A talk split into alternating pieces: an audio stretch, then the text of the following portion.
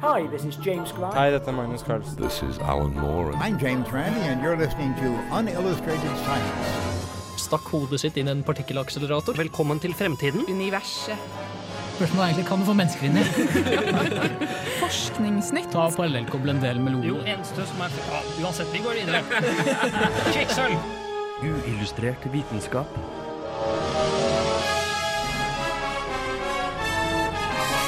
Science, works, bitches. I dagens sending får du vite litt om solformørkelsen nå på fredag. Hvordan en kunstig bukspyttkjertel fungerer, og litt om hvordan du skal sovne.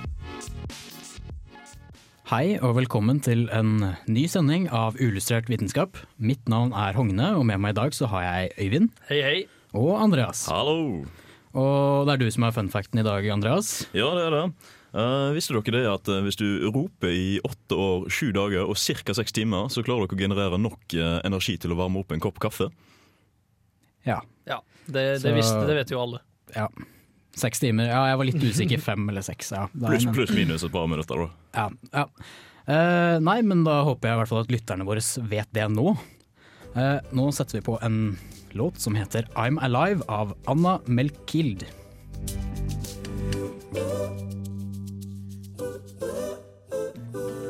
Rundt omkring i verden forskes det på diabetes.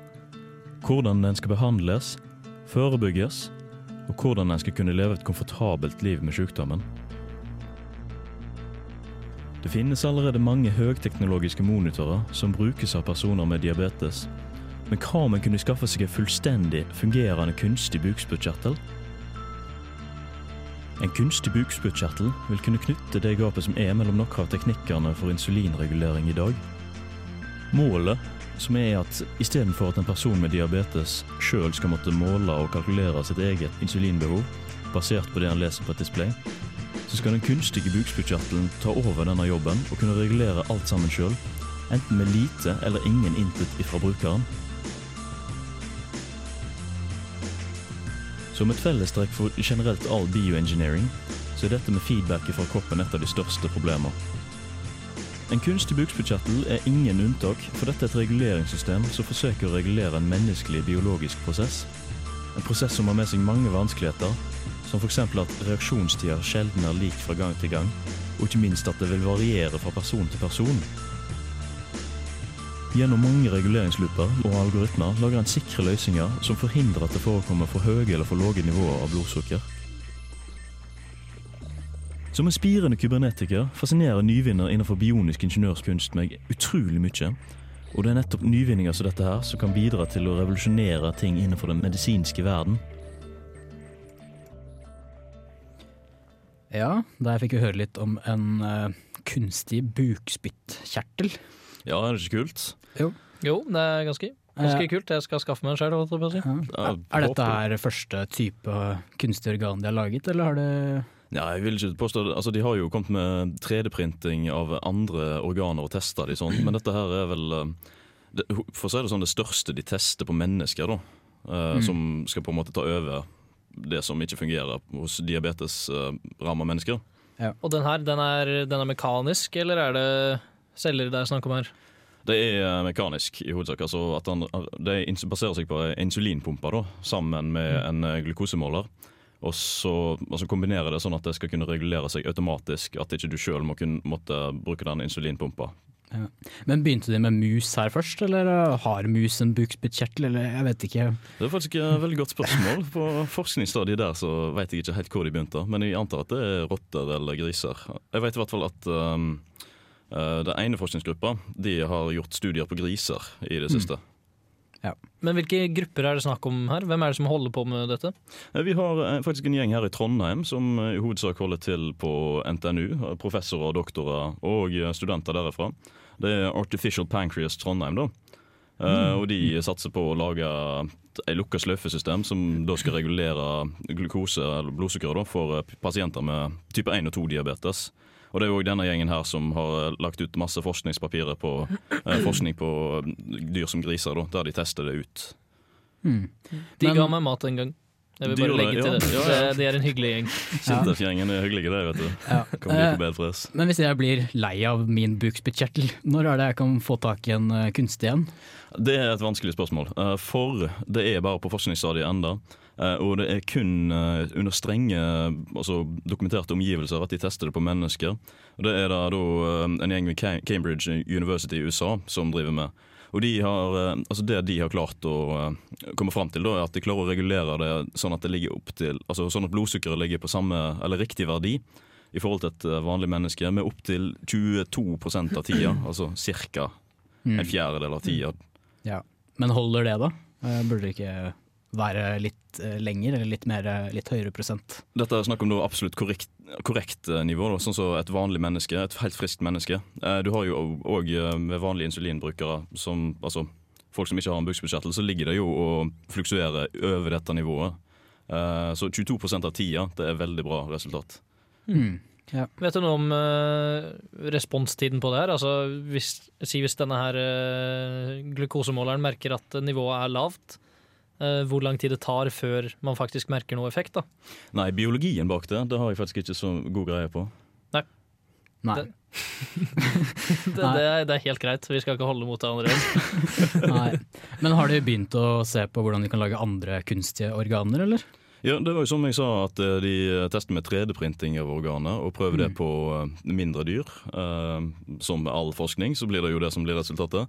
Og så eh, finnes det jo selvsagt eh, proteser, det er jo der det som er enklest å lage. på en måte. Der er Mm. jo utviklingen innen eh, mekaniske og bioniske proteser på stadig fremmarsj. Mm. Men det, det jeg tenker er jo på en måte at ja, i utgangspunktet så må det jo være et mål om å lage en bukspyttkjertel som mennesker, og lage et hjerte som mennesker osv. osv. Men etter at vi har klart det, kan vi ikke bare fortsette å lage noe enda mer avansert? Altså et enda bedre hjerte som gir deg enda bedre utholdenhet, eller bukspyttkjørtel som gjør det den gjør, bedre? Ja, det hadde jo vært mulig, altså hvis uh, forskningen kommer så langt. Det, det høres ut som du har lyst til å lage en supersoldat her, men uh, Ja. uh, ja, Så lenge forskningen kommer til det nivået, så er det faktisk ingenting som stopper det. Bortsett fra etiske barrierer, selvsagt. Hmm. Ja, men nå tror jeg vi snart skal få litt om solformørkelse i stedet. Men først så får du Lesson 15 av Death Crush. Mørk vinter nærmer sommeren seg med stormskritt, og sola titter endelig frem. Men nå gjelder det derimot å ikke glede seg på forskudd, ettersom at sola forsvinner igjen allerede fredag 20. mars. Solformørkelser oppstår når månen havner mellom jorda og sola, slik at vi får en fullstendig eller delvis sperring av sollyset. Avhengig av hvor man befinner seg og typen solformørkelse det er snakk om, vil dette se ut som en slags lysende halvmåne, eller, som du nå skal få høre mer om, en lysende ring på himmelen.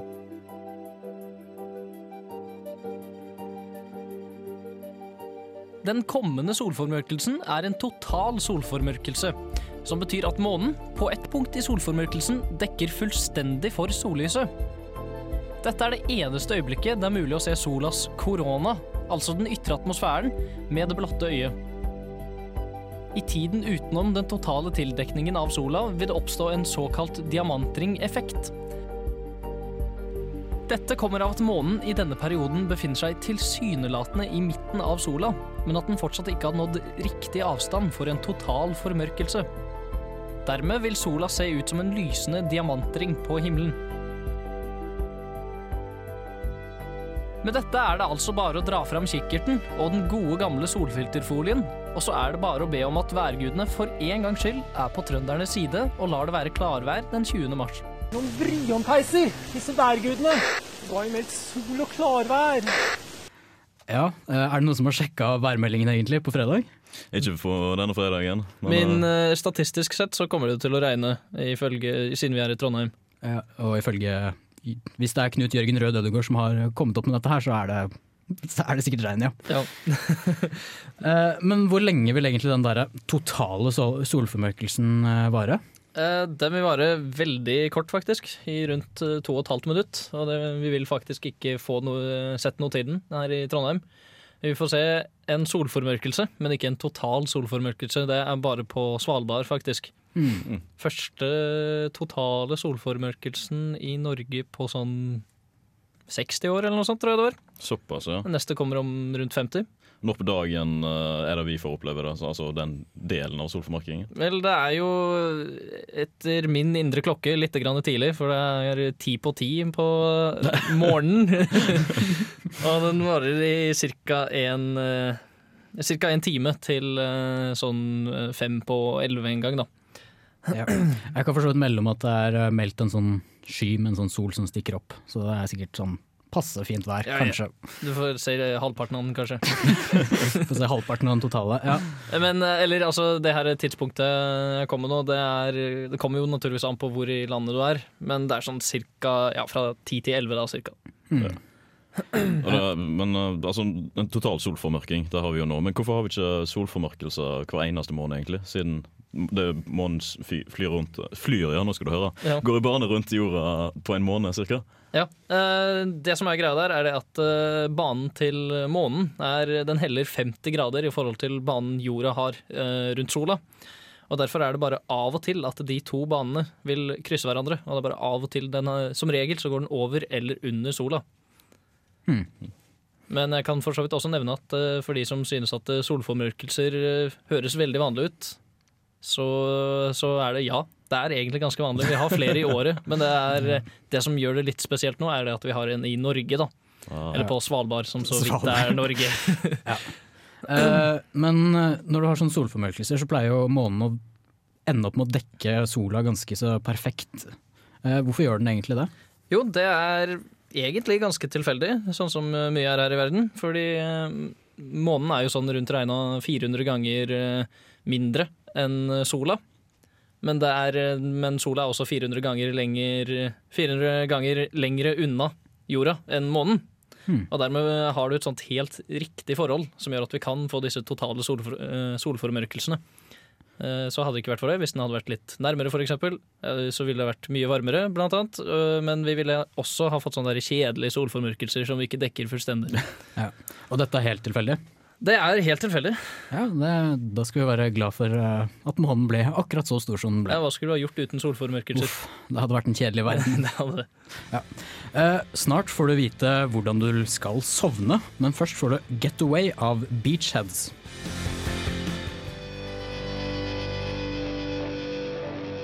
Søvn er merkelig.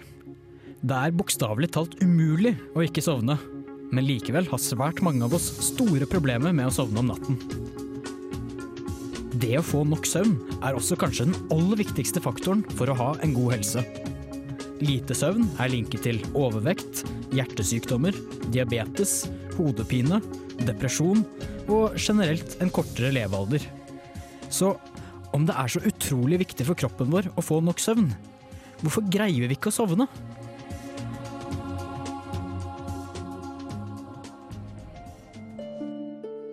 Kroppen vår er skrudd sammen slik at vi skal sove regelmessige timer. De som legger seg og står opp på samme tidspunkt hver dag, har mye mindre problemer med søvnløshet enn andre.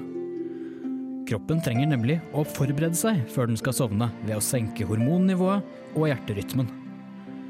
Om kroppen ikke vet når den skal legge seg, vil den heller ikke vite når den skal begynne denne prosessen. Lys er også en viktig faktor.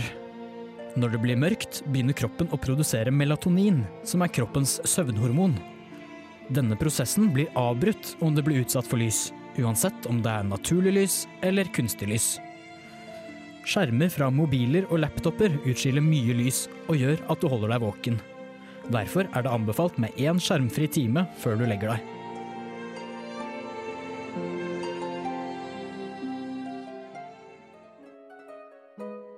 Men selv om ikke disse tipsene hjelper deg med å sovne, så ikke bli bekymret. En forskningsrapport fant ut at 60% av forsøkspersonene benektet at de hadde sovet mens de hadde vært i fase 1 og 2 av søvnen sin. Så neste gang du ligger i senga og bekymrer deg for at du ikke får sovne, så kan jeg berolige deg med at selv om du ikke tror det, så kan det hende at du sover.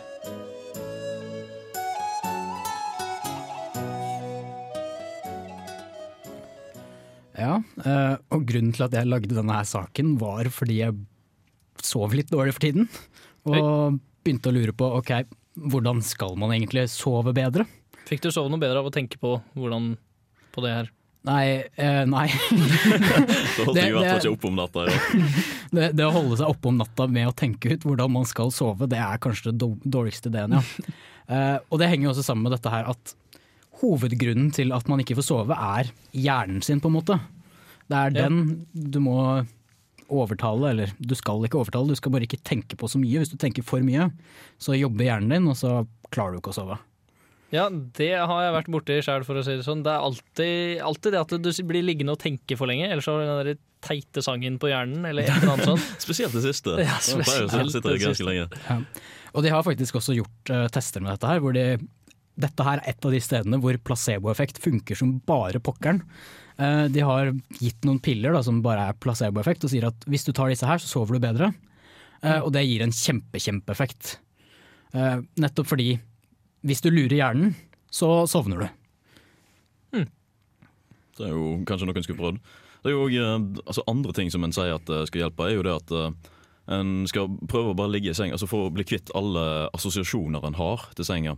Eh, Så skal en bare ligge i senga og prøve å sove i ca. 15 minutter. Hvis du ikke har klart å sovne innen den tid, så skal du reise, skal du reise deg opp, sitte deg i en stol, lese et eller annet. Bare gå vekk fra senga, og så prøve på nytt igjen når du har klart å roe deg. Sånn at eh, assosiasjoner til andre ting enn søvn ikke skjer i senga.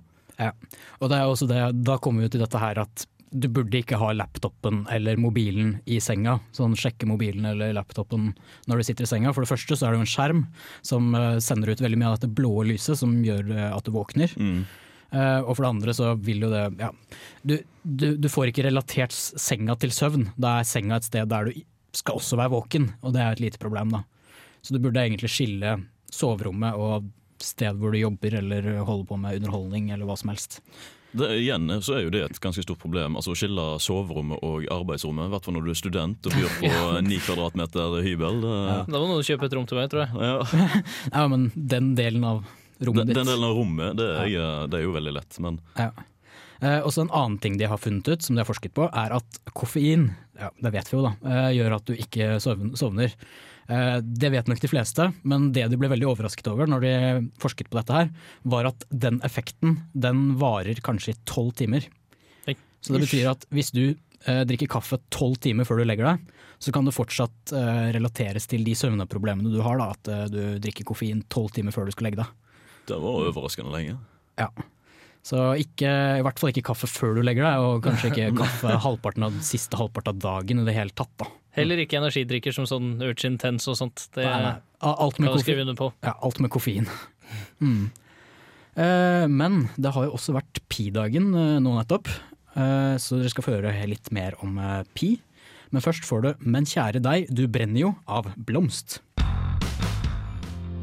For ethvert menneske med matematisk interesse, enten den er tungen eller genuin, var forrige lørdag en dag av nesten like stort kaliber som når meiernes kalender starter på en ny syklus, eller hver dag når Uillustrert går live. Det var nemlig pi-dagen, og i år en ekstra spesiell variant. For den 14. mars, eller som det blir på amerikansk skrivemåte, mars den 14., altså 314, der pi vanligvis feires med to desimaler, ble pi i år feiret med hele fire desimaler, om du attpåtil spratt champagnen klokka 9.26.53, fikk du muligheten til å feire fem flere desimaler. For i herrens år 2015 falt pi-dagen på 3.14.15, og som vi alle vet, så er jo pi lik 3.141592653. Viktigheten til denne lille konstanten, som gir oss forholdet mellom en sirkels omkrets mot dens diameter, er ingenting å skue av. Den stadige presens i våre dagligliv er like konstant som tallet sjøl. Enten det er for å plage deg gjennom matematiske oppgaver, du ikke driver med matematikk, eller bare over gjennomsnittet glad i tall. Tenk over dette. Neste gang du feirer pi-dagen, så er det bare en vanlig pi-dag. En pi-dag som i år vil først inntreffe om 100 år. Så vel overstått med dagen. Scientists, scientists, please. Looking for some order. Some order, please, with the eyes forward and the hands neatly folded and the pang of attention. Pi is exactly three. Uillustrert vitenskap. Ja, og det var jo ikke bare en vanlig pi-dag heller, for det var jo en, uh, Det var utrolig spennende. en pi-dag of your life. Uh, Faktisk. Det var Pi-dag, ja. 100-årsjubileet. Ikke, ikke jubileet sånn sett, men at det er 100 år til neste gang det skjer. Ja. Jeg feiret det med å ikke vite at det var. Ja. Nei, Å, din ignorante imbesil. Nei, men uh, ja, den er jo for så vidt litt sånn oppkonstruert, da, for den er jo ikke en veldig fin dag. Det er sånn Du må bruke det amerikanske datosystemet. Ja, det er liksom, den passer bare der. For det er liksom 3, 14, 15 Og så har du for 14 i tredje. Ja, Og så har du egentlig 2015 også, men så Da så bare dropper du det 20-tallet. Du bare jukser sånn at det passer. Vel, jeg syns det var kult. Ja, klart det var det. Ja. Og ja, akkurat klokken 9.26, for så vidt 53 også, 53 sekunder over. ja, 53, Ja. så var det det her P-moment, og så kunne du tatt noen hundredeler inni der også, da. Klart det. Sånn, Skal du òg feire da med en eh, ekte fest, så må du òg igjen jukse litt med det amerikanske tallsystemet eller klokkesystemet. For hvis ikke du eh, snur det sånn at du tar det på kvelden med det amerikanske, så vil du jo få 09 om morgenen, så det er litt tidlig å sprette champagnen, kanskje. Ja, nei, det, det var litt mye du måtte tilpasse der. Men vanligvis så har vi jo vanlige pi-dager, og de er jo ikke like spennende. Dette her var jo en litt mer spesiell dag. Absolutt. Vanlige pi-dager, det har vi jo hvert år. Ja. Det er jo bare to desimaler. Ja. 14. mars. Men jeg har en huskeregel. Når vi først er inne på pi, så har jeg en huskeregel for pi. Ja. Eh, Det vil si, eh, få se, jeg skrev det ned her, fordi jeg husker den aldri helt selv. Men det går som følger. Du sier setningen 'May I have a large container of coffee'. Og så teller du antall bokstaver i hvert ord. Så may, som er tre, og så har du én, fire, én, fem, ni, to, seks, eller noe sånt. Hmm. Så nå kan du også bli populær på fest. Ja, det har jeg alltid drømt om. Men, eh, men eh, jeg syns også vi skal nevne litt om eh, tau. ja, fordi vi er jo et ordentlig vitenskapsprogram, og vi hadde jo ikke vært det uten å ha litt mer støtte for tau istedenfor pi. Når det er snakk om greske bokstaven tau, altså for de som ikke skjønte det. Ja. Eh, tau det er da det dobbelte av pi, altså 6,28. Eh, og det gir egentlig mye mer mening å bruke enn pi. Ja, i mange Veldig mange matematiske formler så, mm, så støter du på to pi. Og det er rett og slett lettere om man skulle bruke det som bare tau istedenfor. Og det handler jo om om du skal ta eh, ja, om du skal regne ut pi i forhold til diameteren til en sirkel som egentlig ikke gir mening, eller om du skal bruke da radiusen. Og det er det du gjør da i tau. Og da vil tau være en hel sirkel. Mens, eh, ja, eller når du regner med sånn radianer Det å prate matte på radio er ikke så lett, men, eh, men eh, ja, bare hør våre ord. Tau er bedre. Eller søk det opp på nettet og finn mange andre som er enige med oss. Du kan jo samtidig ikke gå imot alt som er etablert allerede. Det er jo, må jo ha litt støtte fra pi. Det er det som er problemet. Det, Det er, eh, jeg tror det blir dritvanskelig å bytte ut uh, to pi med tau. Ja. Eller pi med tau, eller hva du nå vil. Ja, eller så burde vi også bytte til åttetallssystemet eller tolvtallssystemet, for det er også mye smartere, men det er litt vanskelig å få alle til å bare glemme titallssystemet og begynne å lære seg tolvtallssystemet. Ja, vi har, det er jo, gjøres, gjøres jo forsøk da, på det. Ja. Det går ikke så bra for disse P-studentene som må ha det på videregående. Så hver, så hver gang vi heretter nevner et tall i dette programmet, så skal det være i åttetallssystemet eller tolvtallssystemet. Vi skal bare For vi skal prøve å innføre disse tallsystemene istedenfor titallssystemet. Det hadde vært ganske forferdelig. Ja, Mm. eh, I starten så er det sikkert det, men jeg tror det blir bedre etter hvert. Ja. uh, men vi kan vel oppsummere med at uh, det har vært pi-dag. Uh, vi gleder oss til taudagen uh, den 28. juni. Ja, og der er det òg et eh, 100-årsjubileum den tre- i 2031. Så det er Yay. en sånn type 100-årsdag med fire desimaler. Så når vi er tilbake i 2031. 2031, vi, så gleder vi oss til å prate hvor bra tau er. Og jeg håper dere også gleder dere til 2031. Det blir et fantastisk, en fantastisk dag og fantastisk år kanskje også, jeg vet ikke. Har du markert i kalenderen. Århundrets, begivenhet, uten tvil. Ja, ja, hvis mobilen min går så langt, så ja, Det får du håpe. da får jeg markere der. Eh, men vi har jo litt mer å prate om i dag, så nå får du først en låt som heter That Battle Is Over av Jenny Wahl.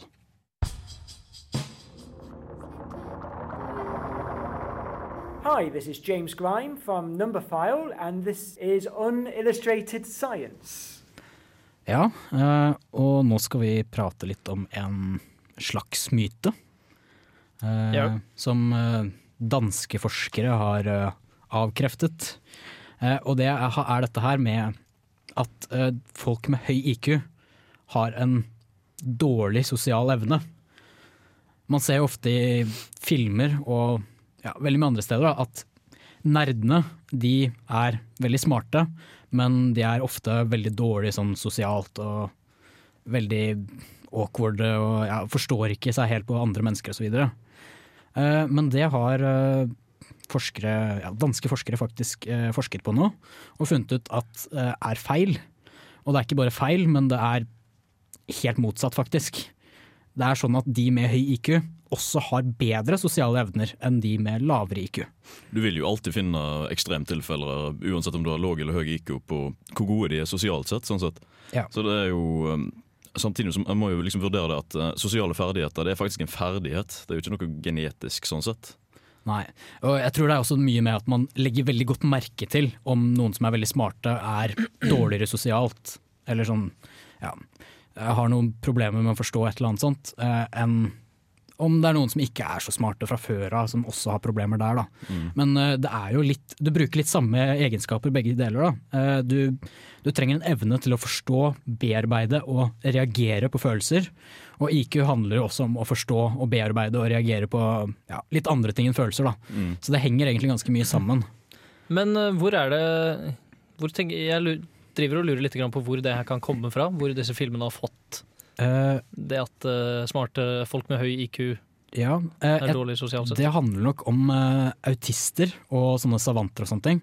Uh, generelt er jo, uh, tenker jo vi autister som sånne supersmarte folk, men autister er stort sett folk som har veldig mange problemer og ikke har noen fantastisk evne. Men så er det noen autister som har disse fantastiske evnene, at de plutselig bare husker alt. Eh, at de kan regne utrolige ting i hodet. At de kan gjøre noe helt fantastisk. Eh, og da tenker vi på de som er veldig smarte, da, for at disse her er veld, har en veldig god hukommelse eller et eller annet sånt. Eh, mens autister er veldig dårlige sånn, i sosiale settinger.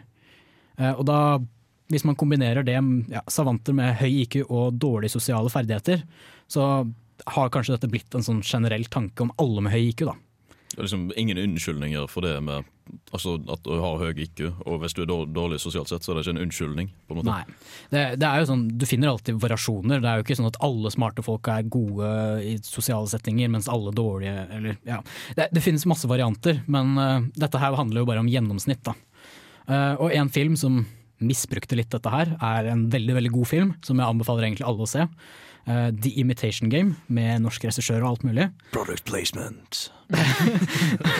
Ja, uh, og den handler da om Alan Turing, som var et geni og fant opp datamaskinen, så å si. Og også mm, stanset, eller knakk koden, eh, tyskernes kode under andres verdenskrig og gjorde fantastiske ting og ble aldri hedret for det. Men i den filmen så blir han modellert uh, som en person med veldig dårlige sosiale evner. Da. Eh, mens det ikke er sant i det hele tatt, for at han var også veldig flink i sosiale settinger. Eh, da begynner vi å nærme oss slutten, eh, men før vi avslutter så skal du få en låt til. Nå får du Papi av Sushi X Kobe. Ja, da var vi kommet til enden på denne sendingen, og ja. Det har vært trivelig i dag òg. Ja Det har det så absolutt. dag. Meget trivelig. Ja. Eh, dere må ikke glemme solformørkelsen, og hvis dere hører på podkast og solformørkelsen allerede har vært, så Hvis jeg kommer opp, så skal jeg opp på festningen klokka ti. festningen klokka ti. Så, så da kan alle se meg der. Ja, hvis dere vil ha autografen til Øyvind også, så Ja, han radiopersonen. Ja. ja eh, dere må bare finne oss på Facebook og Twitter og Ja, dere har sikkert funnet oss et eller annet sted siden dere hører på oss nå. Eh, I dag har vi hatt en fantastisk tekniker, eh, Jørgen. Så klart. Og ja, mitt navn er Hogne, og med meg i dag så har jeg hatt eh, Øyvind Yes. og Andreas. Ha det bra! Vi ses neste uke.